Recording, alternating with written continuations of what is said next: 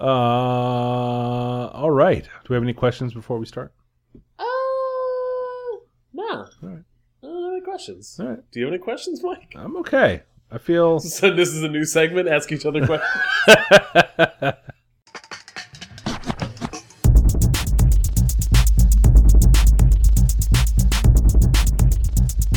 This is the Safe as Milk Podcast, where Adam and I get together twice a month to use bad words to talk about things we like. Are you having one? I'm having a beer. Can you tell me it's about a it? Bit of a mystery beer. I, I Oh. went digging around in the back of the cellar and found an old GBS, a Hardywood gingerbread stout. Ooh. And in, I think we're in the last days, the throes of, of the chilly weather. yes. Uh, and I and as it's time, it's stout season. It's gonna be tapering off. It's gonna be time to get all those IPAs and sours out. yes. Uh, so so I dipped into this, and I don't. I looked all over the bottle. and I don't know what year it's from. Really? Just uh, a straight up plain Jane plain GBS. Jane GBS. Probably not worth keeping for a long time. Uh, they hang on okay. I just don't Uh, know how long because it's Yeah. It's still got some still got some bubbles. Okay. Still got a nose. Okay. Uh, the ginger the ginger has has uh, fallen off a bit. yeah. Yeah. That's that's the first. That's what goes in the in the regular. Yeah. Yeah. How about you, Mike? I am enjoying a Falcon Heavy Ooh, double IPA from our good friends at the Triple Crossing Brewery here in sunny Richmond, Virginia. It is a uh, it's a double India Pale Ale coming in at uh, eight percent. Uh, the label art and name obviously inspired by the SpaceX Heavy Falcon. Yep. Rocket. Uh, love the label art. I like this beer better than Falcon Smash. Oh, that's pretty impressive because Falcon Smash is a solid beer. That it doesn't always hit me the right way. Really? It can run a little heavy or a little too I was, juicy. at, I was at Cuba Cuba Dos on Sunday and had uh, El Segundo? two tall glasses of uh, smoked Falcon Smash. I know. I love that that beer is everywhere. I love it. I think it's great. But the Falcon Heavy is a disco, a dynamite. Nice. Uh, cans came and went. I think in a two days. I think they were all gone. Um, they definitely still have it on at the brewery. Uh, if you are a, a Richmond person, I would highly recommend getting by there and having a glass because it is quite tasty. Nice. Adam, uh, we have some social media presence. We do. fairly limited. Uh, on Twitter, we are at underscore safe as milk. And we are on Instagram at safe as milk podcast. Uh, we're doing a much better job. Uh, I'll, I'll be very honest. Uh, much better job on Instagram than we are on Twitter. I think that uh, I think our Instagram stuff is pretty tight. I Um, think so. Yeah. you know, it's gotten a lot better for sure. Um, and show notes for this episode can be found at safeasmilk.fireside.fm slash 80. 80 episodes, Adam. Can you believe it? Woo. Uh, Mike, I see. Uh, I threw on here a themed follow up for us. Uh, Yeah. Q1 of 2018 is done. We put Yes. together an episode for three for 18. We Yes. had three things we wanted to start making some progress on. Figure it's time check in. Yes, I think uh, I think first and foremost we should not do that next year. Uh, judging by our our our Q1 feedback, like we, we should not we do that. three quarters left. Yes, I su- I suppose that's yes, that's one way to look at it. Yes. Uh, why don't why don't you uh, lead the way? Sure. Uh, I had, I had wanted to start off with some web development and kind of digging digging deeper on web development, web design, more front end side. Uh, I have not spent much, if any, time in that space. Uh, what I've done instead with my time is I have uh, taken a deep dive into graphic design, um, and specifically relearning some tools I had learned in the past: Inkscape, GIMP, and a new one for me, Blender. Uh, Inkscape is uh, essentially the Adobe Illustrator equivalent, vector-based graphics. GIMP is the Photoshop open source equivalent. Uh, I feel poorly named. Um, and uh, uh, Blender is a open source 3D modeling uh, program, and I have Oh. been dabbling in all three of those. Most most of my time has been spent in Inkscape. Oh, uh, I'm a GIMP guy from way back when I needed to uh, when I was dicking around at work with images.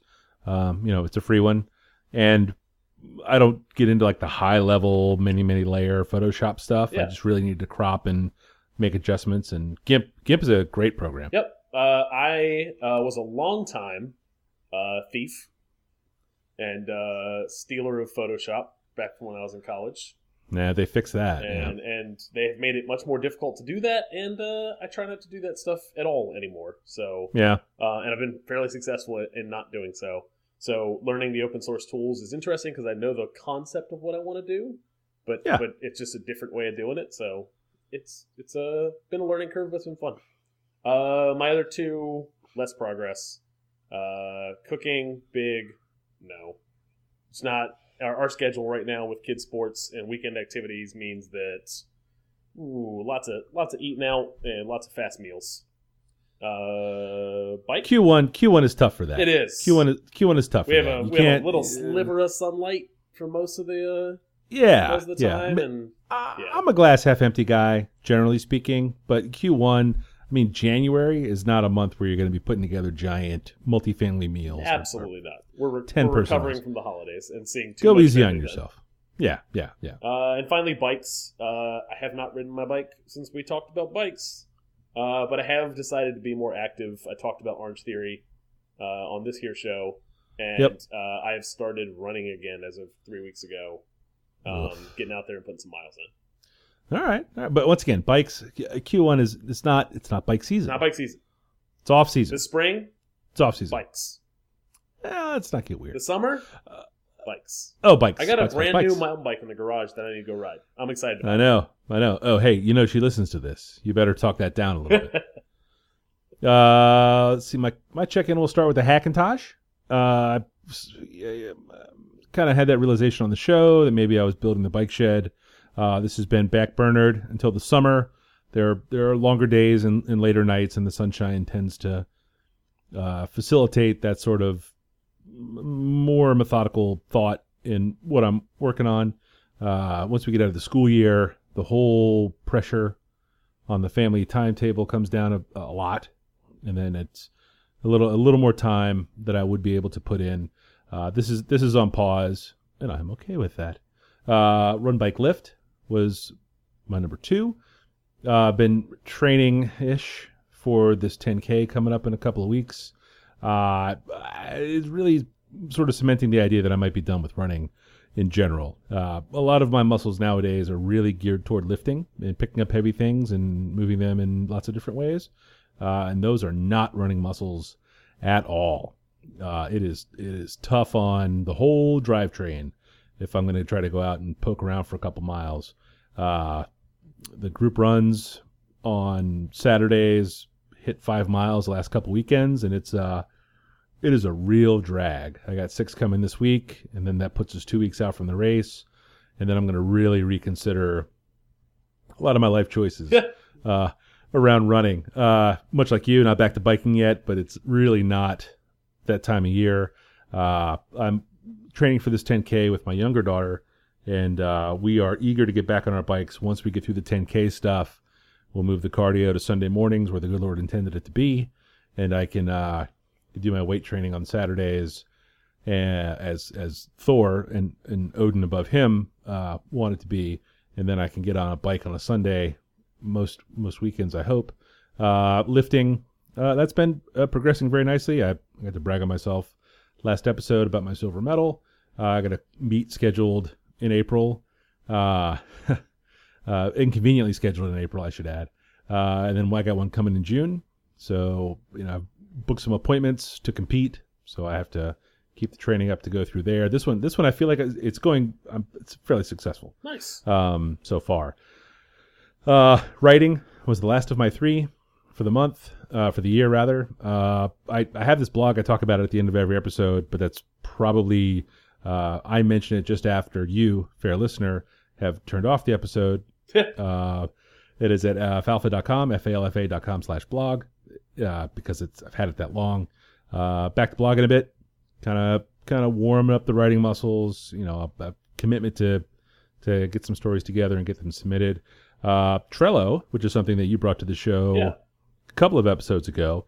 Uh, uh, working with a buddy of mine on some longer form stuff. Uh, that's not bad for a collaboration. It's a it's actually a pretty it's a pretty useful tool. Um, you know, after you talked about it, I, I was looking at how maybe I could try to fit it in my day to day, but I still don't really see it for me personally. But for, you know, uh, a project to have a couple of columns of, you know, main topics to sort of fill in ideas or, or whatever's uh, kind of useful. Nice. So So uh, uh, There's the Q1. related, and then we'll get out of this follow up section because we're, we're going a little long. Uh, the uh, Trello folks put together a newsletter. Um, I think it's on a monthly basis. It feels a little more sporadic. It's not weekly. Uh, in their newsletter that came out today, they had an article on how you can merge multiple boards. Like if you have multiple boards, how can you have a high level board and then have like breakout boards? It's essentially linking different boards together. Well, a bird, a, a board merge. Are you one crazy? of one of those boards was a here's my day to day everything to do list, and one of those tasks was like work on the novel. Um, and then they had a linked board specifically with, and I think they have an example board that you might be interested in looking in, an example board of how someone has laid out like a writing process, how they're the task they're creating to to facilitate writing. Oh yeah, I'll I'll fucking sign up for an email. I fucking I love emails. That's where it's at. Uh, Mike, Yes. let's move on to our threes. Oh, you're very excited. I'm gonna go first. I am excited actually. yes, Tell me you are more about excited. your first topic. Ah, Kikagaku. Kika is a band, and their album House in the Tall Grass. The band is Kikagaku Moyo. They're a Japanese five piece. Uh, Kikagaku Moyo translates, I think, roughly to geometric patterns. Uh, it is a psychedelic band. I've uh, have been talking about that sort of music for a good long while now. Uh, definitely in the psych rock s- mm, style, uh, much towards the folker, folk F O L K end of the scale. Um, I was not aware of this band until three weeks ago. Uh, Earthless, who is a psych rock toward the heavy metaler end, uh, out of San Diego, was coming to town, and I was doing some. I had tickets. I was doing some research on the openers, and this Kikagaku Moyo was opening, and I just you know just Spotify testing, just like all right, what we, what am I dealing with here? How late can I go to the show, or how early can I leave? Really, is the math I'm doing in my head. Uh, uh, lights out great. Uh, at this point, I'll mention Green Sugar is the song that I would recommend off of this album. Yeah.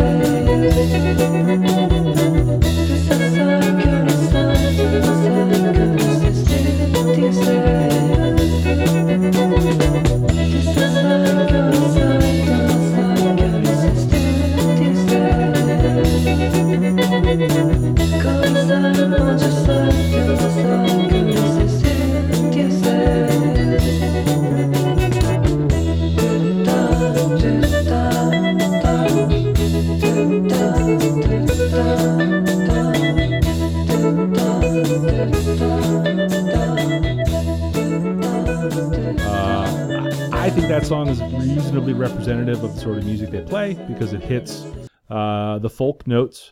You know, there's uh, uh, light vocals to some of it. Uh, it's it's much more chill than I think some of the other psych rock, psych rock that I have recommended on this show.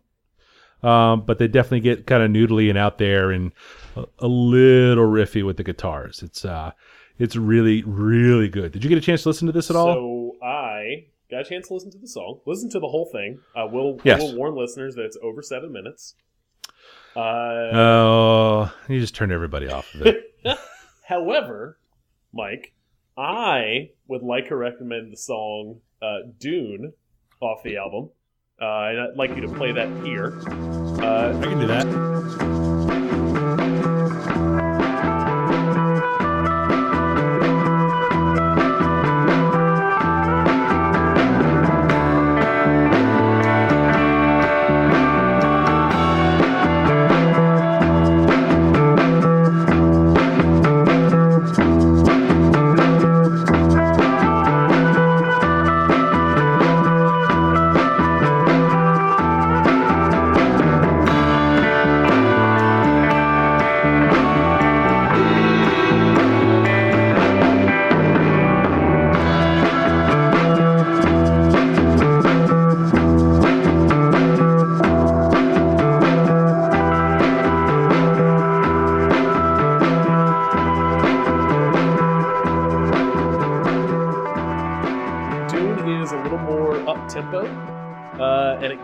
In at just two minutes. Uh, much Hmm. more my speed for this style of music. I actually enjoyed Green Sugar uh, a decent amount. Uh, I, I actually enjoyed Dune a lot more. Uh, and I have not dabbled with the rest of the album. Uh, and then my other, I have a question. A song, Yes. a song like Green Sugar. I, Yes. I often think about the kind of music I listen to, and what the kind of setting that I am in when I am listening to that music. Okay. Green Sugar feels like the kind of music I would only listen to as going to sleep music, Mm. or uh, like I'm working on something music because it kind of can play in the background ambient ambiently. Yeah. Yeah. Um, Uh, it's not the kind of music I would drive around to. I can definitely see that case being made for this sort of music in general. Uh, I actively listen to music like this. Like I will sit down and that's the only thing I'm doing is listening to this music. Like I'll sit still in a chair and play the record. Interesting. Like yeah, like that that like a, this like a kind character of in music. a movie. Yeah, yeah. No, I mean that's like a uh, that's a thing I do. Yeah. Like it's a yeah, like that's um music is not uh necessarily always background noise. I have a lot of music that I like and enjoy that is really just accompaniment to my life, but I also spend I work hard to spend time actively listening to music so that I can hear what it is I think I enjoy about it. Um I've told you my like Spotify process. I hit those Discover Weeklies and I just throw songs in the basket and then I go back and I listen to the songs that I've thrown in the basket and then I'll I'll I will just sit and listen to those and I'll be like, why did I like this? Out, get it out, you know. And I Yeah. I'll just I'll just toss them sometimes. Yeah. Um, uh, they were uh, terrific in concert. Uh, uh, they're very very small men. I was I was really su- surprised at that. I saw them walking around the club after their set. Um, they're all very very small, very long hair. Um, yeah, like like they kind of just look like Japanese hippies, really. Um, skinny as nothing, like just tiny little, like just little hints of of people. Um, but boy, they could play. It was really really cool. Uh, one of the uh, cool things about their music is that they incorporate uh, traditional Japanese instruments into some of their songs. So you'll hear thing. Um, you, you know how the Beatles would use like a sitar when they were super into their India yoga stuff, that kind of thing. Like it's not um, eh, the traditional instruments are featured on songs, but they don't sound weirdly out of place or anything like that. Like it's all it's all of a piece. It's all very cool. Um, uh, I was really excited to go see them, uh, and then it paid off. It was it was a it was a great night of uh, rock and roll show. Awesome. That's cool. I I think my, my major takeaway here is uh, one, I actually liked a song off of one of these psychedelic rock things. Uh, hey, hey! I'm that Acid Nightmares record and is you can take that as negative, Mike. I'm taking it as a positive. Ah, my glass is so I'm empty. talking about progress. And uh, my other takeaway is uh, I I kind of like the idea of uh, just sitting down to listen to music because that's not an activity I do. Oh, that's super cool. And and the other thing is seeing a band like this live is very different because it's not this giant everything turned to 11 sort of just blast that you're getting from the stage and you kind of hope to hear some vocals. Like like there are some of these songs that are like genuinely delicate and it was a lot of fun to see and hear that sort of music performed live. Like that all of that was was super cool. Huh. like it's it's been a while since i've seen that. Uh, certainly in rock and roll. Like i've gone to see jazz live and that can be uh uh quiet or simple or or you know eh, delicate maybe not fragile uh but some of the pieces uh, um that they played were were just very super chill. And it was it was uh, there were a lot of people there i guess not a ton. Like it was in a packed house maybe maybe 200 people 250 maybe. Um yeah uh kikagaku moyo uh house in the tall grass Uh, Mike, my first topic this week is a new a podcast to me uh, that I just started listening to. Ear Hustle um, is a podcast that is recorded and produced inside of San Quentin State Prison. Um, it is produced by a prisoner there and then a volunteer visual artist who works with the prisoners or has been working with the prisoners there for a while. Um, and the topics they cover are like 20, 30 minute episodes on themes uh, about life in prison. Um, uh, it's actually it's not. It feels like in in description it could be a real bummer. Uh, it's not. There's definitely like uh hot highs and lows. Uh, like things that are funny, things that are uplifting, and then things that are really like make you make you sad. Um, it is really well produced. It's in partnership with Radiotopia. The I think it's a collective like 99% Invisible's there. The Bugle is there. Two podcasts I've listened to previously. Um, it's definitely that like NPR, This American Life style, like high production, uh, really kind of uh, I don't know, always impressive when I hear it done well. Um, some of the interesting topics are essentially the getting old in prison. Um, uh, the what what is getting a parole date? What's that process? What is the what is the anticipation and, and the disappointment occasionally? Um, uh, a whole episode on solitary confinement, the shoe, and uh, what it's like to be isolated from people for potentially years. Um, Ugh. Cellies, almost like a roommates kind of thing. Like, what does it what does it mean to have a good cellmate and a bad cellmate? How, how do you seek out somebody? Because you can kind of request uh, who you want to cell up with if you're if you're deemed uh, compatible and not likely to fight. Um, Huh. uh, a, a whole episode on conjugal visits. The Boom Boom Room was the name of the episode. Yeah, dog.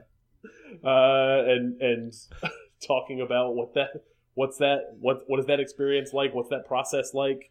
Uh, there was a, I have a guess. I have a was guess. a story from uh, not from this prison, but a prisoner telling a story about a different prison he was at previously, um, where he found out from other prisoners that you could go into this space when you had a guest over.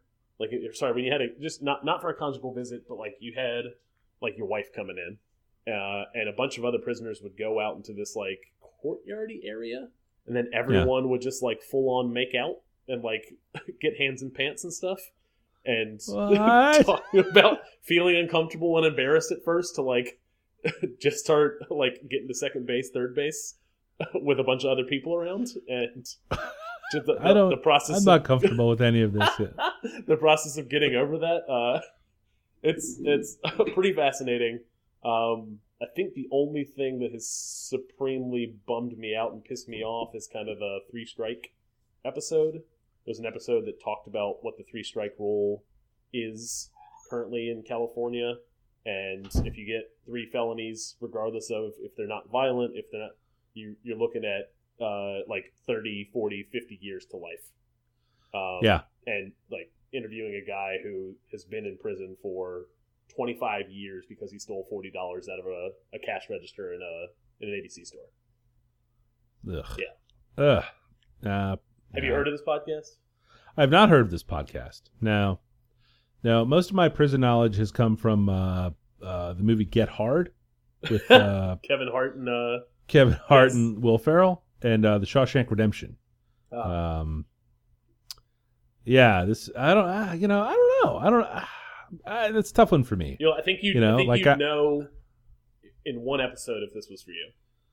Yeah, yeah. Like I- I'm sure it's well done. I'm sure there are important stories to tell, but I don't know that that's where I would want to go for my entertainment. I don't know. Uh, I I'm not I, sure. I binged this thing. Like it was very entertaining to me. Is there an episode that you would recommend starting with? I mean, besides the humping one? Uh, I think Cellies is the first episode. I think it's Yeah. the it's the first episode talking about like when you first get to prison and you're essentially placed with somebody. Get, Yeah. getting, how do you get along with that person given that you're staying in a very confined space with them? And then and Yeah. then how do you seek out and find somebody they're actually compatible with that you can actually get along with?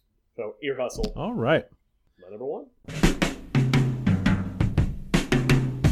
All right. My number two this week is a comic book. Uh, I had mentioned way back in episode 63 about the Vision Volume 1. It was Yeah. a collection of the first six issues of the Vision. Is that the cover with like him and his family like dressed up in like suburban '50s gear? yes. Yeah. Phasing out of the door. Are you, are you familiar with the Vision? Do you know they can like I've change the density and the Avengers movie. Yes. So uh, he's a robot. He, uh, somehow related to Ultron. I think he's a creation of Ultron. Maybe He is. There's a creation of Uh, Ultron. He has a gem in his forehead. He has a gem in his forehead that can burn stuff down. Like, like I don't think it's an Infinity Stone. Wait, is- they made it an Infinity Stone. Oh man, he's gonna get his head busted open in the new movie. Ah, shit. Anyway, um, I am not up to date on what's happening in the Marvel universe, but uh, this was recommended to me as a series that was so well written and well put together that you didn't have to be because um, it, it carved out this little story. And I mentioned at the time that it was uh, kind of dark and a little creepy, but uh, quite good. Uh, it looks amazing.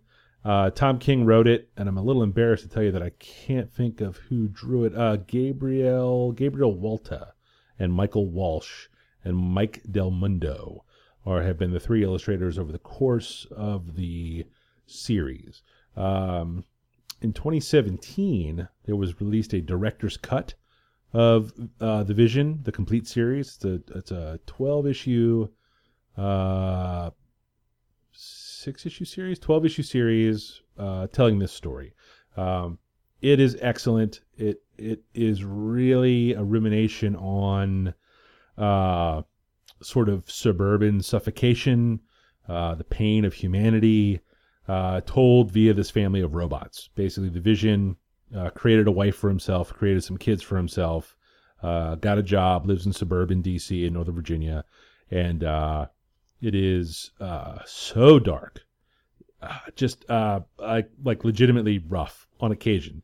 The way they talk about what they're trying to do as a family, how they how they, and it's all just programmed, and then the way they uh, uh, talk about teenagers, talk about uh, being in high school, talking about being married, talking about being uh, the stay-at-home wife, the go-to-work husband, like all of these, all of these sort of tropes in not really sitcoms, but just in in dramatic storytelling uh, in America, obviously.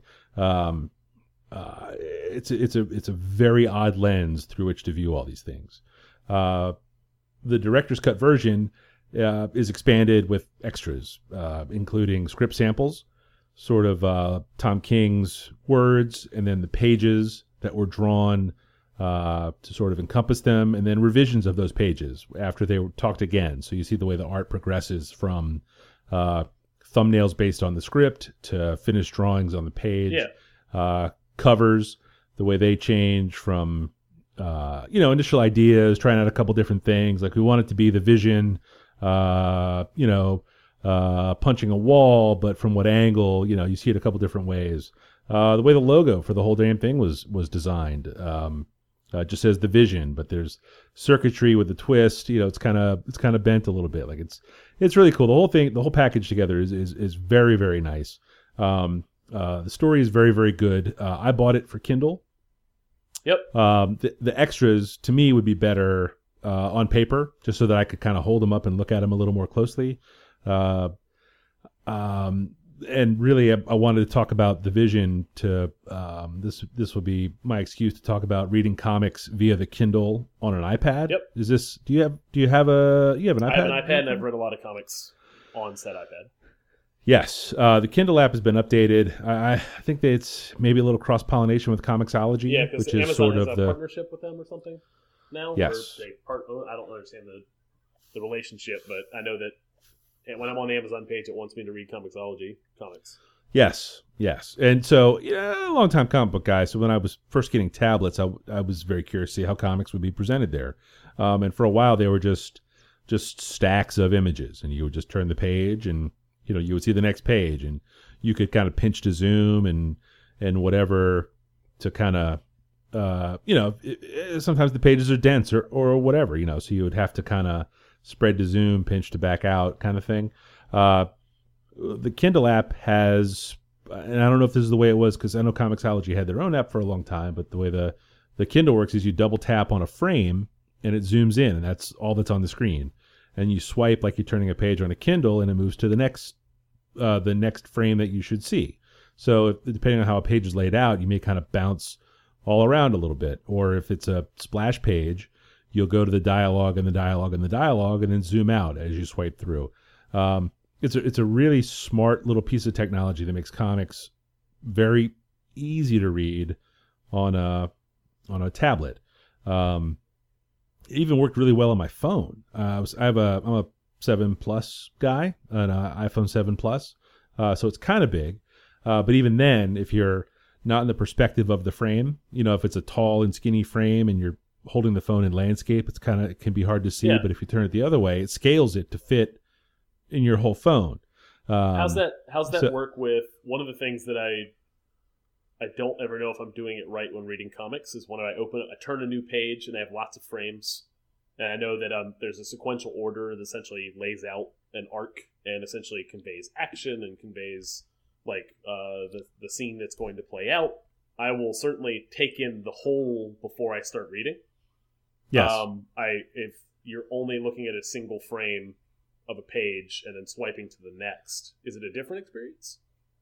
Uh, yes, it is a different experience. So if what you're going from is like, uh, you know, like uh, uh, action, action, action, or a little prologue, prologue, prologue, and you turn the page to like, oh shit, here's everybody. You know, like um, what would be a good example? Um, like Star Wars, right? Like Chewbacca and Han Solo uh, chase two stormtroopers down the hall. You know, Yeah. and then they and they turn a corner, and oh shit, there's a hundred stormtroopers right? So like the page would end with uh, Han Solo and Chewbacca turning the corner, looking surprised, and then you would turn the page to the splash page of you know 50 stormtroopers or whatever. So as you were swiping along, it would show you the whole page, and then you would swipe again, and if there was like dialogue or you know like a little voiceover or narration or whatever, it would it would zoom in on those little word bubbles and stuff. Um, the the whole thing, the way it's put together is very smart. It's not arbitrary at all. It's not just kind of randomly moving around the page or or it's not dumb. It's very smart the way it moves around. I've been impressed. I've read a fair number of comics, not a ton. Um, I was able to buy a couple of the uh, uh, old like masterpiece collections of Marvel stuff, like uh, Marvel Team Up, which was Spider Man and somebody new every month. Uh, I mean, even those are have been formatted to fit like the frame by frame via Kindle sort of format. It's, That sounds really cool. it's yeah yeah and marvel runs these sales all the time for a buck you get um, like this whole vision complete series was a dollar. Just they'll run one day sales and and even now it's like eight bucks. Like it's it's weird. Hmm. um but yeah it's uh it's a very good series. I highly recommend it. And uh reading comics via kindle uh on an ipad you want to you for the best experience you're going to want it on a fairly big screen. But uh uh, yeah, very cool, very good. My second topic this week is another podcast. Uh, a podcast called The History of Fun. It is put out by Polygon, which is primarily a video game site, but they dabble in uh, culture uh, a little bit more in terms of media, movies, TV shows once in a while, but mostly video games. Um, this podcast is not limited to that. The History of Fun is essentially the history or backstory behind uh, the things people like to do. Um, so some sample, some some examples: uh, Lego, the history of Lego, um, the history of Beanie Babies and kind of the Beanie Baby craze. Uh, the Street Fighter movie, if you're familiar with that that weird movie from the '90s. I was not a Street Fighter guy, uh, even when it was a video game. Yeah. I remember it. Uh, Mario Kart, uh, how how it kind of spawned and, and became what it is today. Uh, Oreos, Yeah. uh, how Oreos were invented post Hydrox. Uh, Wait, Hydrox was first. I think Hydrox was first, oh and then shit! Nabisco created Oreo out of like New, uh, in New York, uh, a New York-based factory, and I think they just ha- they had already had some wins in the the candied treat or the the sweet treat uh, Yeah. category, and they I think they just had more money, uh, and I would argue a better product. I don't know. Hydrox isn't bad. It's not bad, but it's not as good as an Oreo.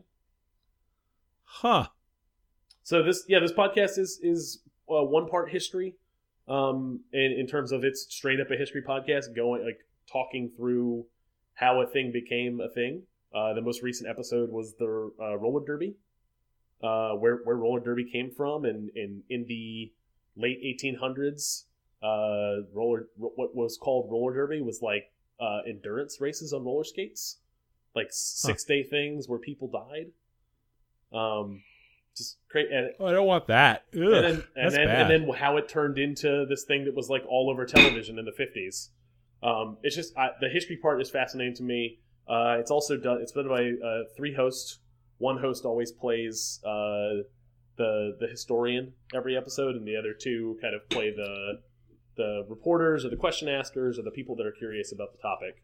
Um, and uh, pretty pretty humorous as well. Uh, overall, not like the best podcast I've ever listened to, but it has Yeah. really stuck around with us because it's the first podcast that I've started to listen to with the kids. Uh, we've started; it's uh, fairly kid friendly. There is little to no cussing, and and uh, little to no uh, mature content, adult topics covered. We've we've, we've been doing a lot of uh, driving for for sports, uh, and then I'll instead of throwing on the same playlist with the kids or finding a new thing on Spotify for them to listen to, we've been throwing this podcast on when uh, when we have like a thirty minute drive to go to a practice. Um, pretty pretty solid in terms of what it's doing in that space, and I already was familiar with two of the two of the hosts, uh, Chris Plante and Russ Frushtick. Uh, were both uh, they're both video game reporters, and I've listened to their podcast, The Besties, previously, which is uh, a podcast that I think they run monthly now, where they talk about the best video games that came out in the month. oh, that's pretty good. Yeah. Nice. The history of fun. My number three this week is another comic book that I read via Kindle. Nice. Uh, Old Man Logan. I have Um, read all of this comic. oh, realmente! I looked it up. I read it in 2013. It was on the Goodreads. Really? Huh? Well, it is the story of a potential or perhaps alternate future featuring Wolverine uh, of the X Men. He's a, he's a, he's a very popular X Man. Wolverine. Uh, My favorite, my favorite, my favorite uh, superhero when I was like 10 years old and watching the Saturday morning X Men cartoons. yeah, yeah, yeah. You were lucky to have an X Men cartoon when you were ten Yeah. years old. Uh, portrayed by Hugh Jackman in the films. Uh, th- whoa, whoa, whoa, whoa, whoa! No yuck noises, of Hugh Jackman. What, are you, what is that? What are you doing I'm there? talking about the films. Oh I don't have man, anything against All right. Hugh Jackman. Although, I, I, I haven't seen the movies. Okay. I don't know. I don't know how they Okay. go. Um, uh, what I understand, Logan, released in 2017, uh, to some critical acclaim, uh, is apparently based on this Old Man Logan comic. Uh, some further reading on Wikipedia uh, suggests to me that the movie is not uh, an adaptation of this graphic novel. As I mentioned earlier, I'm way out of the loop on Marvel stuff. But I had heard this was a very good story, and because it's set out in the future a good long ways, would ideally be sort of self-contained uh, with a beginning, a middle, and an end, uh, and it would not require a ton of current Marvel uh, knowledge or literacy to really get down with. that's how it's Uh, it's the same way. And I yeah. think that holds Uh, I think that that is accurate. It, uh, it was quite good. Uh, I really enjoyed the beginning of it. Uh, it's felt a little bit like um, uh, what are those vampire books that we all read um, that sort of jump into the future a little bit? Shit, uh, the Thirteen. Oh, I know what you're talking about. Oh, ooh, Yeah. I can't remember the What are they called? I don't know. I read Um, damn it. Yes, but uh, it, it kind of really. Oh my goodness. Um, kind of felt like that a little bit. You know, long ride across the United States in a post-apocalyptic environment. Uh, some good guys, some bad guys, mostly bad guys. Uh,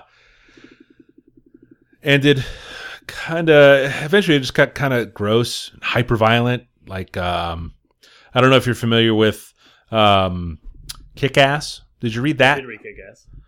Yeah, where the, the the that was just violence pegged to twelve. You know, um, not not always my favorite thing.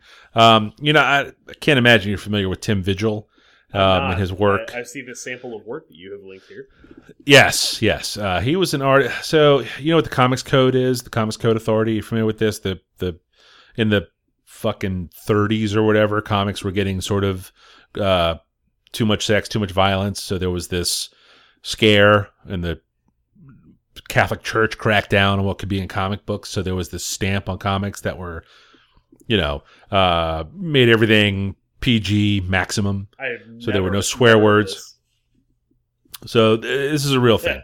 Um, and then in the 80s, towards the, yeah, probably in the 80s or so, um, when comics, the sort of the indie revolution in the 80s of comics, um, you were seeing things that were fairly widely available that did not fall under the Comics Code Authority, um, full of just outrageous sex and violence and drugs and things. Um, the the '60s were full of all of that, sort of in the underground. Like those were kind of harder to find. Uh, but in the '80s, you could just find this stuff sort of at comic book shops. Um, I, I bought them like I was around and and was plugged in enough at my comic shop where it was kind of cool. Um, not necessarily my jam nowadays. Um, uh, Faust was just this thing. Like, did I even meet that guy? I feel like I met him at a comic con, but I don't know if I did or not. Um, I had some of his work. It was all black and white. Um, gross. Just like, just, just like way out Yeah. there. Like you see in some of like the zombie comics nowadays, but this is fucking 30 years ago. Um, uh, which is what I felt like I was seeing again at the end of Old Man Sure. Logan. Like some of the some of the panels looked clearly informed by uh, Tim Vigil's uh, real gross Yeah. stuff. Um, uh, as a whole, the story I thought was very good. Uh, it was a terrific read uh, via Kindle. That sort of bounce through the frames deal they have going on there is is just real solid, uh, and I am into it. Um, at this point, now that I've recommended two comics to everyone that I've read uh, via Kindle that I purchased for one dollar, um, I love my local comic shop, Velocity Comics, located on Broad Street down in VCU. Uh, you know, he hooks me up constantly with uh, things that I will like, and he knows and recommends to me constantly uh, things that I enjoy and end up enjoying for sure. Uh, I would not have read Old Man Logan or the rest of the Vision uh, if I had not run into them for a dollar on on the Kindle. Yeah. Plus, it was it was a bit of a proof of concept to see if I could to, to see how it Dollar worked. is hard to you know? hard to turn away. Yeah, a dollar is hard to turn away. You know, like I bought a bunch of Star Wars comics. Like I don't read Star Wars comics. I don't care. but if what happens is, you know, I'm I'm somewhere with my iPad. I'm like, well, how bad can it be? Yeah. You know, uh, I'll I'll bounce through that stuff. But uh, Old Man Logan uh, is is pretty good. I. I enjoyed it. Uh, I was excited for Logan the movie because I had heard it was loosely based, at least, on Old Man Logan, the comic series, and I I did not have a lot of affection for the X Men movies or the I never even saw the Wolverine movie, the Wolverine. Um, uh, Old Man Logan, I liked. Or sorry, Logan, I liked. Uh, fell a little flat, fell real flat in the ending, like kind of like soured the whole thing for me. oh no, yeah. really? Hmm. I'll, I'll watch it, I guess, at some point. But I don't. You know. It's not. It was a Friday night. The wife is asleep. I'm getting a beer, and I'm gonna find a, a movie that she's not gonna want to watch with me, and and that's a, Nice.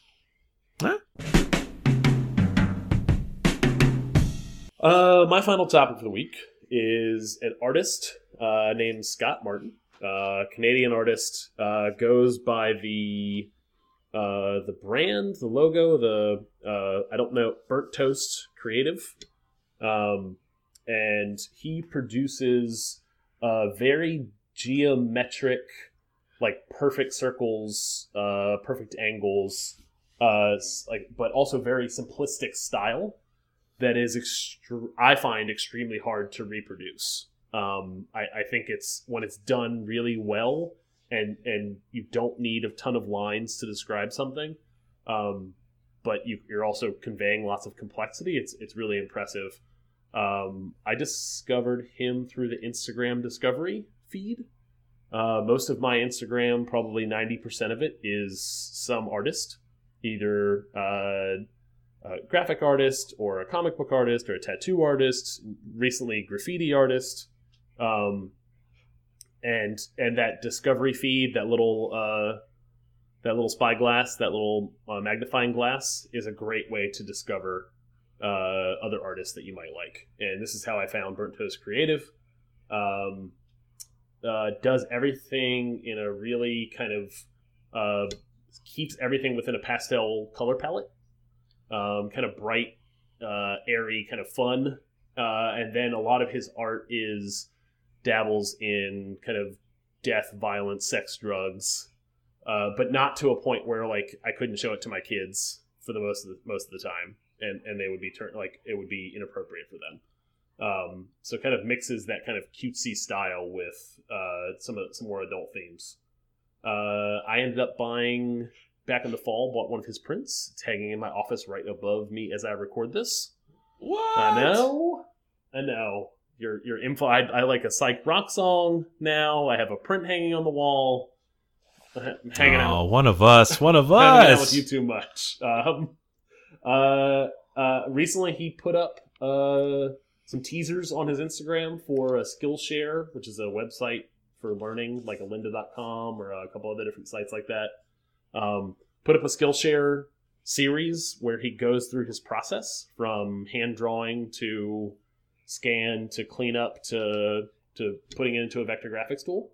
Um, I actually signed up for the free trial just to watch his process because I, I similar to that director's cut style of uh, how did this comic thing get made? How did this co- how did they pick which which cover they wanted to use kind of thing? I find that stuff really interesting. Process is really interesting.